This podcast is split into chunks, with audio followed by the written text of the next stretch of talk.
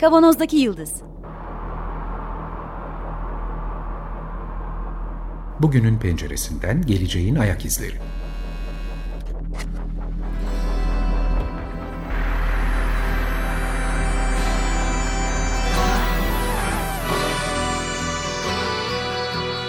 Hazırlayan ve sunanlar İsmail Başöz, Haluk Levent, Mustafa Yılmazer ve Fethiye Erbil. Zorlu Holding Sürdürülebilirlik Platformu Akıllı Hayat 2030, herkes için daha yaşanabilir bir dünya diler. Merhabalar, Açık Radyo'dayız. 95.0 Kavanoz'daki Yıldız programında sizlerle beraberiz yeniden. Geleceğin ayak izlerini sürmeye devam ediyoruz. Geçtiğimiz haftalarda konuğumuz olan, hatta program öncesi kendisine sürekli konukluk transferi önerdiğimiz sevgili Serkan Özel ile beraberiz. Merhabalar. Tekrar davetiniz için teşekkür ederim. Çok kısaca tanıtalım. Geçtiğimiz haftalarda söylemiştik. Boğaziçi Üniversitesi Fen ve Matematik Eğitimi bölümünden doçent doktor Serkan Özel şu anda Amerika'da Vanderbilt Üniversitesi'nde misafir öğretim üyesi olarak çalışıyor. Geçtiğimiz iki hafta eğitim teknolojileri konuşmuştuk. Bu hafta biraz daha bu yeni tür eğitimin yol açtığı sosyal problemler üzerinden konuşmaya devam edeceğiz diyorum. Sevgili öğrencisi aynı zamanda Fethiye'ye sözü bırakıyorum. Tekrar hoş geldin Serkan Hocam. Öncelikle Hoş bulduk. Tekrar hoş bulduk. Keyifli bir sohbetti daha öncekiler. Eminim bundan sonraki sohbetlerde keyifli olacaktır. Ben keyifle katılıyorum programlarınıza. biz de aynı. Evet Fethiye söz sende diyeceğim. Ondan önce Haluk da burada. Merhaba. Haluk'tan da merhaba alalım. Fethiye'de merhaba deyip başlayabiliriz. Merhaba herkese. Ben öğrencisiyim Serkan Hoca'nın ama bugün soruları ben soracağım. Ona ve Haluk hocamıza. Acıma. Ee, değil mi? Acıma Fethiye. Zor Çalışmadığımız sorular. yerden sorma yalnız. Pardon. Biz, biz, biz acımadık sana, sen bize acı. Yok yok cevaplarına da ben çalıştım zaten merak etmeyin. Beraber tartışırız. Geçen programın, geçen haftaki programın sonunda kendi kendimize yaptığımız konuşmada bu eğitim teknolojileri, tasarım, eğitim ortamları tasarlamanın da ötesinde daha büyük bir meselenin olduğunu konuşmamız gereken bunu kararlaştırmıştık. Covid-19'la beraber daha ayyuka çıkan, daha aşikar hale gelen e, eşitsizlikler meselesi, toplumsal, sınıfsal eşitsizlikler, ekonomik eşitsizlikler. Bunun bireylerin, toplumların, ülkelerin beceri ve gelirlerinde yakın, orta ve e, uzun vadede yaratacağı problemler, değişimler, dönüşümler, bunun yansımaları neler olacak? Bunun üzerinden ilerlemeyi planladık bu haftalardaki programlarda. Benim e, başlarken sormak istedim. İki konuğum yani hem Haluk'un hem de konuğumuz Serkan Hoca'nın uzmanlıklarına da güvenerek birkaç büyük soru var. Önce bu dünya üzerinde ülkeler arasında, ülkenin içindeki farklı sınıflar arasında var olan yapısal eşitsizlikleri Covid-19 mu yarattı diye spekülatif bir soruyla başlayıp sonra eğer yaratmadıysa bu eşitsizlikleri Covid-19 nasıl etkiledi? Toplumlar bundan hali hazırda nasıl etkileniyor? Eğitim bundan nasıl etkileniyor? Elimizdeki kısıtlı çalışmalar, veriler ve anekdota dayalı gözlemler neler gösteriyor bize? Eşitsizlikler meselesinde neler oluyor? İkinize de bunu sorarak başlamak isterim.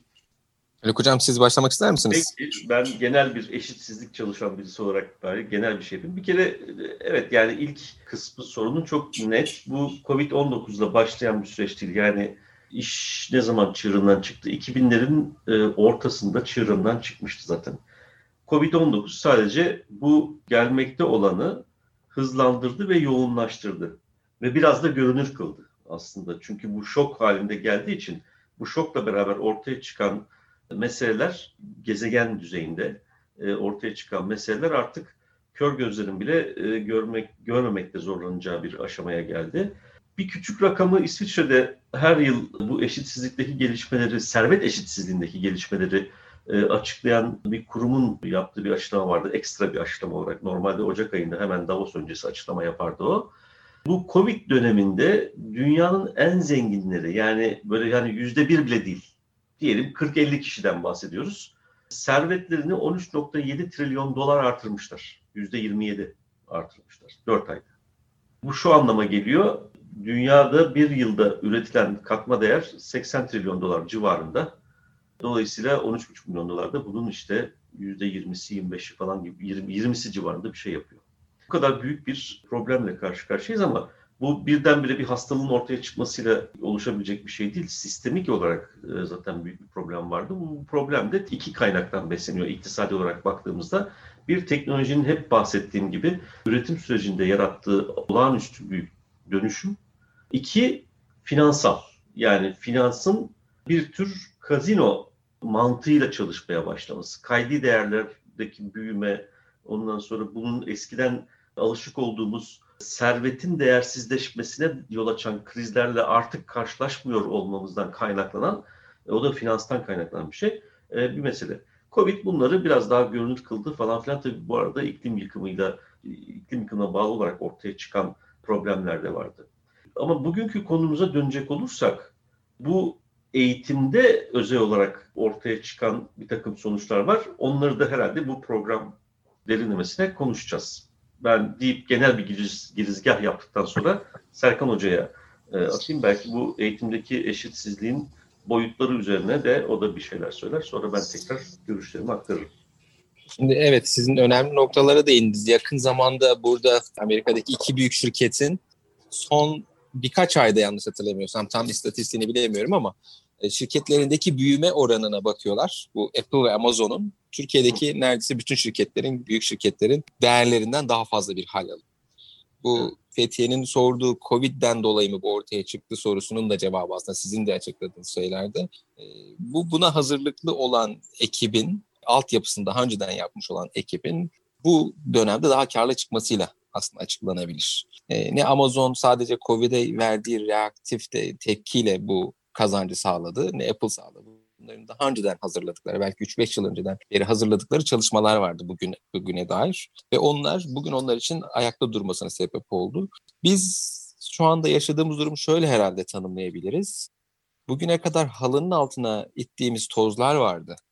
Onlar görünmüyordu ve halının üstü temiz olduğunda biz böyle şey diyorduk ya ne kadar güzel her şey e, güzel ilerliyor diyebiliyorduk. Bugün halıyı birisi kaldırdı.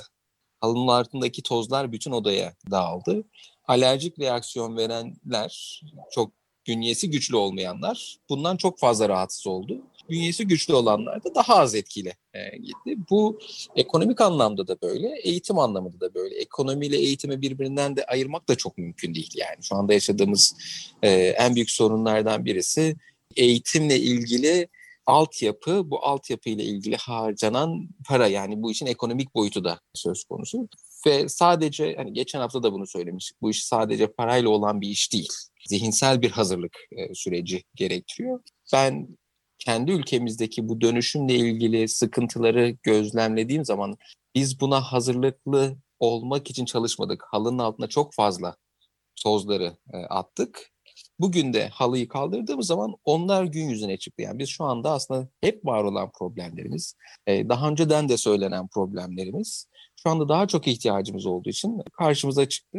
Bu karşımıza çıkan sorunlar da ne yazık ki gene az önce ekonomideki o şirket yani kuvvetli şirketlerin kendilerini daha da güçlendirmesi gibi imkanı olanların biraz daha ileri gidebilmesine, imkanı daha az olanların, dezavantajlı olanların da aksine daha kötüye gitmesine yani bu uçurumun artmasına sebep olan bir hızlandırıcı bir etken oldu. Yoksa zaten görmezden geldiğimiz birçok eşitsizlik söz konusuydu.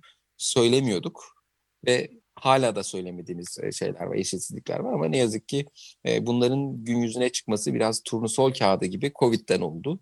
Ama zaten ortam azidikti. Sadece turnusol kağıdı bize bunu gösterdi diyebilirim şimdi. Çok çok güzel iki genel değerlendirme duyduk bence. Çok teşekkür ederim. Serkan Hoca'nın bu en son verdiği örnek ve benzetme üzerine biraz daha detaya girmek istiyorum müsaadenizle. Halıyı biz kaldırdık ve altındaki yarattığımız, yarattığımız eşitsizlikleri gördük. İmkanı olan ailelerin bu süreci nasıl geçirdiğine dair elimizde gözlem, bilgi, e, ufak da olsa veriler var. Bir de imkanı çok kısıtlı olan, hiç imkanı olmayan ailelerin çocuklarının bu süreci nasıl geçirdiğine dair tahminlerimiz ve öğrenme kayıpları tahminleri var, ölçümleri var. Biraz bunlardan bahsetmek isterim. Sizinle de yazıştık Serkan Hocam. Hı hı. Learning pod yani belki öğrenme topluluğu, küçük dar öğrenme çemberi gibi çevirebiliriz bunu. Amerika'da da öyle, başka birçok ülkede de, Türkiye'de de ben gözlemliyorum. Orta ve üst gelir grubuna sahip aileler çocuklar fiziksel eğitimden uzakta kalınca birkaç aile birleşiyor ya da tek bir aile özel öğretmenler buluyorlar çocuklarına hem gün boyunca online ders hem Belki müsait bir yerde fiziksel ders yaptırabiliyorlar. E, bir belki rehber danışmandan destek alabiliyorlar. Dil dersleri, hobi dersleri her şey devam ediyor ve daha yoğun bir şekilde belki devam ediyor. Bu çocuklar bu süreçten başka türlü çıkıyorlar ama bir yandan da e, imkanı kısıtlı olan ailelerin erişemedikleri olanaklar var. Biraz burayı konuşalım. Bu iki grubun e, süreci yaşadığı farkı konuşalım isterim. Kesinlikle bu learning pod dediğin e, çocukların bir araya gelmesi birkaç sebepten kaynaklanıyor. Bir, e, çalışan aileler şeyi yönetemiyor. Yani evde o devamlı çocuğuyla ilgilenebilme lüksüne sahip olamayabiliyor. E, bu tabii başka sorular ortaya çıkartıyor. Okullar açılsın mı açılmasın mı e, sorusunun cevabı çok kolay verilebilecek bir cevap değil aslında bununla da ilişkili bir durum. Ama imkanı olan aileler ki burada da aynı şekilde gerçekleşti. Amerika'da da aynı şekilde gerçekleşti. Hemen aileler ya senin söylediğin gibi dışarıdan profesyonel birini ya da ne bileyim bir öğrenciyi işte bir neniyi alıp küçük öğrenme grupları oluşturdular ve çocuklardan sorumlu ya da aileler 4-5 aile birleşip Yine çocuklar her gün bir başka evde dolanarak bu şey yaptı. Bunun amaçlarından birisi bir çocukların o sosyal e, ortamını sağlamaktı. İkincisi de ailelere de birkaç günlük bir e, aslında rahatlama vermek. Şu eski şeylerine göre düşündüğümüz zaman çocuk okula gittiği zaman aile kendi işini yapabiliyordu. Ama şu durumda anne ve babanın çalıştığı durumda ve evden çalışmanın olmadığı durumda ya da evden çalışmanın olduğu durumda da fark etmiyor aslında bunu yönetmek de çok zor. O zaman da işin içerisine e, maddi güç giriyor ve bunu sağlayacak başka kişileri e, evinize davet ediyorsunuz ve onlarla birlikte bu işi yönetmeye çalışıyorsunuz. E, bunu yapan çok fazla e, aile var. Türkiye'de de bunun olduğunu duyuyoruz yani. Sizlerden duyuyorum. Ama ben olayın bir diğer tarafını söyleyeceğim. Yani bu imkanları olmayan çocukların ötesinde e, özellikle Covid'den dolayı okullardan uzaklaştıklarında e, özellikle dezavantajlı çocuklarda zaten okula zorla gönderen bir kesim vardı ve bu kesim hazır çocuk evdeyken uzaktan eğitime de erişmesinin önüne engel olarak koydu ve bunun birçok örneğini ben şahsım adına çalıştığım öğretmenlerden duydum. Ee, bu ne oluyor? İşte tarlada çalışacak, evde çalışacak, dükkanda çalışacak vesaire çalışacak çocuklarını okula gönderebilirken daha önceki zamanda Covid'den sonra hazır evde hadi o zaman işten işe gel moduna e, dönmüş oldu. Dolayısıyla böyle de kaybettiğimiz e, bir kesim var. Yani hani şey gibi bu söylediğim imkanlara erişememenin ötesinde normalde eriştiği imkanların daha da kötüsüne giden bir kesimin de olduğunu ne yazık ki duyuyoruz ve bunu biliyoruz. Buradan yine soruyu her ikinize sorarak devam etmek isterim. Eşitsizlikler meselesini çok kısaca konuşabildik ama bu eşitsizliklerin ve şu anki durumun daha detayına indiğimizde bir kavram karşımıza çıkıyor. Ee, OECD'nin Eylül ayında yayınladığı iki tane rapor var. Orada da çok sık üzerinde durulan öğrenme kaybı meselesi. Ee, çocukların yaşadığı okuldan uzak durarak ya, ya da öğrenmeyle geçirdikleri sürenin azalmasıyla beraber meydana gelen öğrenme kaybı diye bir kavram var. Biz eğitim araştırmalarında bunu e, yaz dönemlerinde, tatil dönemlerinde eğitimden, öğrenmeden, formal öğrenmeden uzak kalan çocuklar için kullanırdık. Ama şimdi ortalama sanıyorum 14 hafta çocuklar fiziksel eğitimden, okullardan uzak kalmışlar. Almanya'da yapılan araştırmalar çocukların tabii Almanya çok erken bir dönemde okulları açabildi kontrol etmesiyle ama buna rağmen günde en fazla 2 saat eğitime zaman ayırabildiğini söylüyor evde geçirdiği sürede. Bu da bize kaybedilen bazı şeyleri getiriyor. Bilgi, beceriler ve sonra bunun gelecekteki gelir kaybı gibi. Belki buradan Haluk'a sorabilirim bu soruyu. Bu insanlar 3-4 sene sonra iş gücüne girecekler. Üniversitede okuyan, lisede okuyan insanlar. Bunların hayat boyu ihtiyaç duydukları becerileri e, kaybına nasıl sebep olacak ve onları nasıl bir gelecek bekliyor olacak? Hem iş bulma hem de bu becerileri yerine koyma açısından. Şimdi bu OECD'nin çalışması şöyle bir mantığa dayanıyor. Aslında bizim eğitim ekonomisi literatüründe çok rastlanan bir şey vardır. Eğitimin getirisi, İngilizcesi return to education diye geçer. Ee, burada bir aslında bir fonksiyon tahmin edilir. Bir, bir tür üretim fonksiyonu gibi bir fonksiyon tahmin edilir.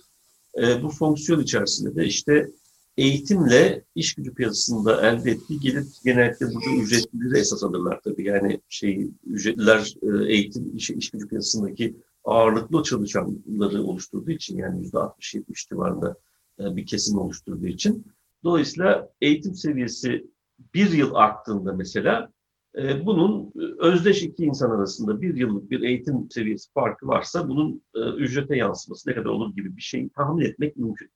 Dolayısıyla bunu tahmin etmişler büyük ihtimalle. Senin bahsettiğin beceri eksikliği şöyle bir şey.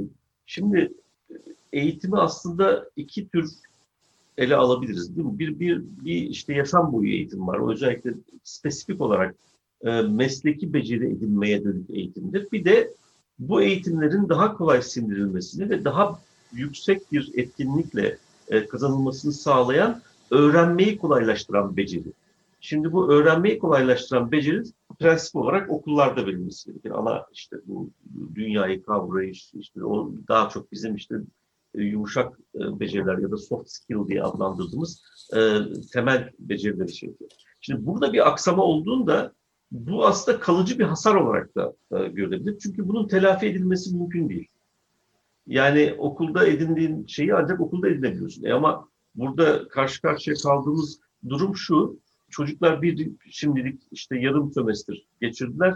Yarım sömestrin sonunda hepsi geçti. E şimdi önümüzdeki bir yıl aşağı yukarı benzer bir durumda geçecek. E o bir yılın da telafisi olmayacak. Bir yılda yine bunların hepsi geçmiş olacaklar ve bir sonraki sınıfa e, gidecekler. Dolayısıyla bundan sonra bu böyle bir kalıcı hasar gibi bir kümülatif bir şekilde büyüyerek gidecektir. Dolayısıyla o bu, bu, bu jenerasyona özgü bir eksiklikle e, karşılaşacağız, bir problemle karşılaşacağız ve muhtemelen bunun işte ileride verimlilik kayıplarına, beceri düzeyindeki eksiklikten ötürü bu insanların iş gücü piyasasında zaten sıkışık bir iş gücü piyasasıyla karşı karşıyayız. Daha zor iş bulmalarına, dolayısıyla da toplumda sağlayabilecekleri katkıyı daha az gerçekleştirebileceklerine dair bir, hesap yapmışlar. Yani bunu biraz e, niceliksel hale getirmişler çeşitli parametrelerle. Elbette çok böyle kabaca yapılmış bir şey. Şimdi bizim burada bir avantajımız olacak büyük ihtimalle speküle edecek olursak onu da birazdan geleceğim. E, bunun sonucunda buldukları rakam da şu. Yani işte bu yüzde iki buçukluk falan gibi bir şey yani tek tek böyle rakamlar da var. Her ülke için hesaplanmış rakamlar var. İşte kimi 3 milyar dolar, kimi bilmem ne kadar. Ee, Amerika tabii daha büyük bir ekonomi için daha yüksek bir miktardan bahsediyor ama genelde böyle gayri safi hasılanın işte yurt içi hasılanın yüzde iki, iki buçuğu gibi bir şeye denk düşüyor. Tabii burada varsayılan şu, ortalama bir eğitim kalitesi olduğunu varsayıyorlar ve bunun bütün ülkelerde birbirine yakın olduğunu varsayıyorlar. Ama bizim orta öğretim kökeni çok oldu. Dolayısıyla burada ekstra bir yıllık katkının getirisi ne bileyim İsveç'teki kaybın e, yarattığı zarar kadar çok olmayacaktır diye düşünüyorum. Orada, orada bir avantajım olacağını speküle ederek söyleyeyim. çok fena. Çok fena. Sizi burada durduruyorum hocam. Ama çok çok hoşuma gidiyor. Yani bardağın dolu tarafına bakmak bu olsa gerek herhalde. Zaten çok bir şey yoktu. Çok kaybetmeyeceğim. yani samimi sohbet ortamlarında bazen ben de benzer şeyleri söylüyorum ama bu e, bunu bu kadar kamuya ait yerlerde bu kadar yüksek sesle söylediğiniz için cesaretinizi tebrik ediyorum. Ben bakanlık bakanlar da söylemiş. Yani bakanlığın bütün müstişarlarına bir ara bir, bir, bir sunuş yapma ihtimali var. Bir, bir imkanı olmuştu Savay'la. Orada da yüzlerine karşı da söyledim. Onlar benden daha çok konuştular ondan sonra. Şikayet anlamında.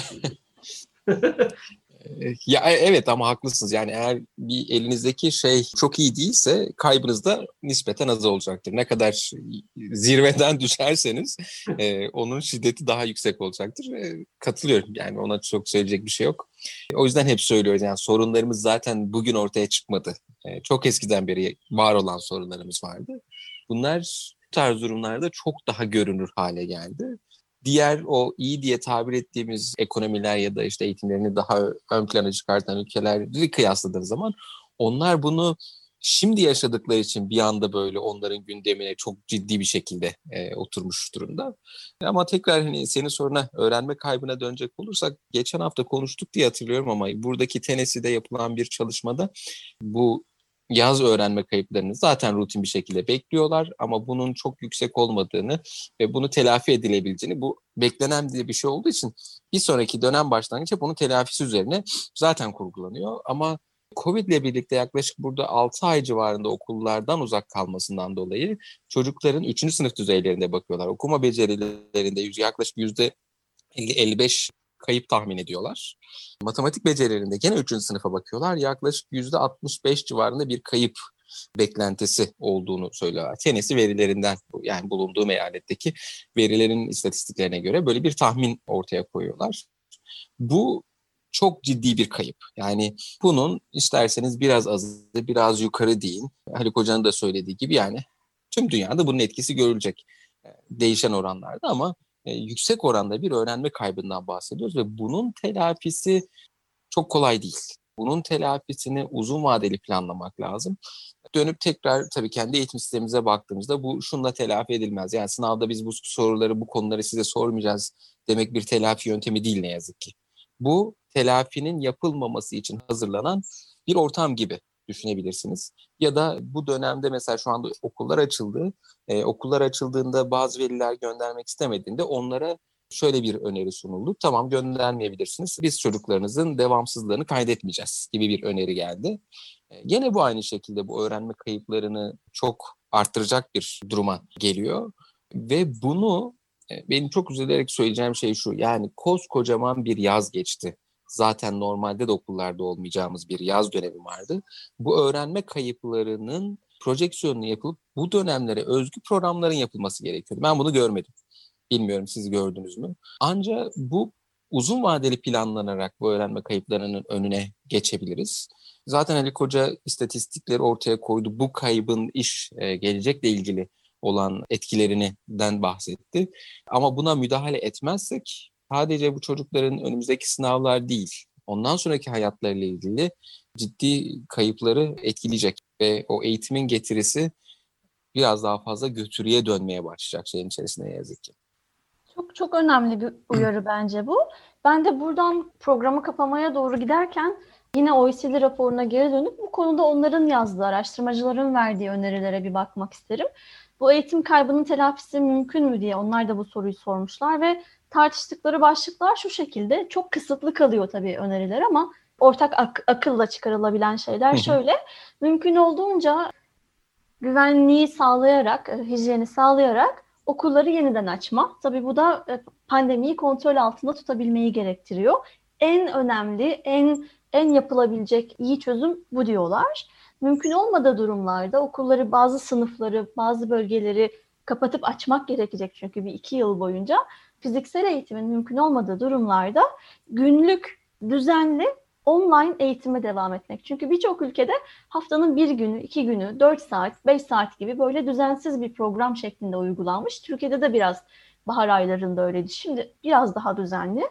E, o düzensizlik de özellikle e, ortaokul ve lise öğrencilerinin e, takibini, motivasyonunu, kendini yönetmesini, planlamasını, öğrenmesini çok zorlaştırıyor. O yüzden bunu iki saat bile yapsanız her gün iki saat yapın şeklinde önermişler. Bir de ölçme değerlendirme meselesi var. Sizin uzmanlık alanınız çok az şeyi ölçebildik koşullardan dolayı diyor ama mümkün olduğu ilk fırsatta, mümkün olan ilk fırsatta çocukların nerede olduğunu, hangi dersten, hangi konudan, hangi gelişim alanından e, tespit edebilecek ölçümler yapmak ve bu büyük verilerle işe devam etmek öğretmenleri güçlendirmek. Çünkü biz buna fiziksel eğitim ve online eğitim diye sürekli gidip geleceğiz. Arada gidip gelen birkaç yıl geçireceğiz. Benim ilgimi çeken bir öneri de şu oldu öğretmenler konusunda. Her öğretmen online eğitim vermeye yetkin değildir. Kendilerini %100 dönüştürmelerini beklemeyin. Farklı yeterlikteki öğretmenlere farklı görevler verin. Sınav okumalarını, kağıt okumaları, işte materyal hazırlamayı o öğretmenler yapsın online eğitimde Haluk'un birkaç programda bahsettiği gibi Daron Acemoğlu'nun bölümünden, yazısından iyi performans gösteren, iyi bir aktarım yapabilen, iyi bir eğitim verebilen öğretmenleri daha büyük gruplarla buluşturun demiş. Herkesi eşit seviyeye getirmek için kaynaklarınızı boşuna israf etmeyin demiş. Bir de herkes, bütün öğrenciler böyle farklı öğrenme süreçlerinden geçiyorlar bu dönemde. Farklı ihtiyaçları olacak ve farklı düzeyleri olacak. Okullara geri dönebilirse hızlıca mutlaka mutlaka mutlaka programları bireyselleştirmeniz ve farklılaştırmanız gerekecek. Buna hazır olun diyor. Özet, özetle bu şekilde raporun önerileri. Önemli yerlere dokunmuş rapor. Orada e, belki hani parlatmak gereken ölçme değerlendirme kısmı çok önemli oluyor. Veri toplamak gerekiyor e, ve devamlı veri toplamak gerekiyor ki ona göre aksiyon alalım. Ölçme değerlendirmenin amacı bir, bir şey notlandırmak değil, durumu tespit etmek ve ona göre aksiyon almak. Bunu sürekli yapmak lazım ama tabii topladığımız verilere güvenmemiz lazım. Yani veri tabanlı konuşuyoruz ama eldeki veriler ne kadar kaliteli veri ona göre çünkü hareket edeceksek o önemli. Bir de kaynakların verimli kullanılması. Şimdi tüm Türkiye'yi düşünelim ya da tüm dünyayı da düşünebiliriz ama tüm Türkiye'nin her yerinde herkes hemen hemen aynı şeyi yapmaya çalışıyor.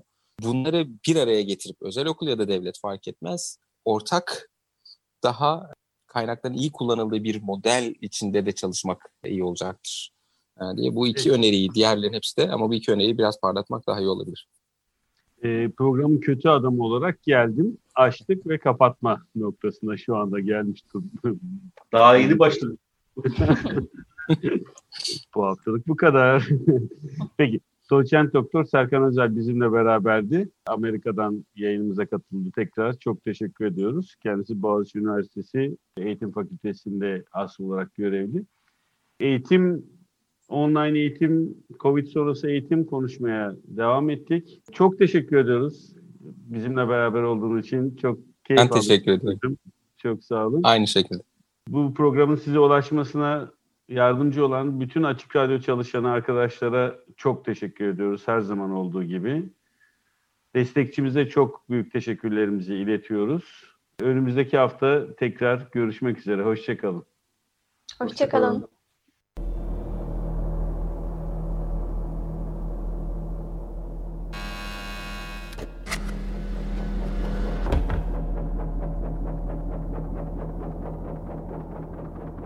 Kavanozdaki Yıldız Bugünün penceresinden geleceğin ayak izleri.